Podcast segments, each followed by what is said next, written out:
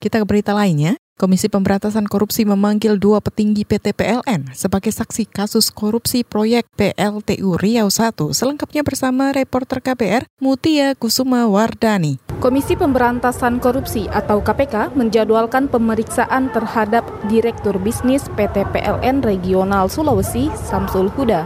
Pemeriksaan Samsul Huda terkait suap proyek PLTU Riau 1. Samsul diperiksa sebagai saksi untuk tersangka Direktur Utama PP PLN Nonaktif Sofian Basir. Selain Samsul, KPK juga memeriksa Direktur Bisnis PT PLN Regional Kalimantan. Saudara, sebelumnya Sofian Basir resmi mengajukan gugatan pra peradilan pada Rabu 8 Mei lalu ke Pengadilan Negeri Jakarta Selatan. Sofian menggugat keabsahan KPK dengan penetapannya sebagai tersangka. Dalam perkara ini, Sofian diduga bersama dengan anggota Dewan Perwakilan Rakyat Erni Maulani Saragih menerima hadiah atau janji dari pengusaha Johannes Budi Sutrisno Koco terkait kesepakatan kontrak kerjasama pembangunan PLTU Riau I. Dari Gedung Merah Putih KPK, Mutia Kusuma untuk KBR.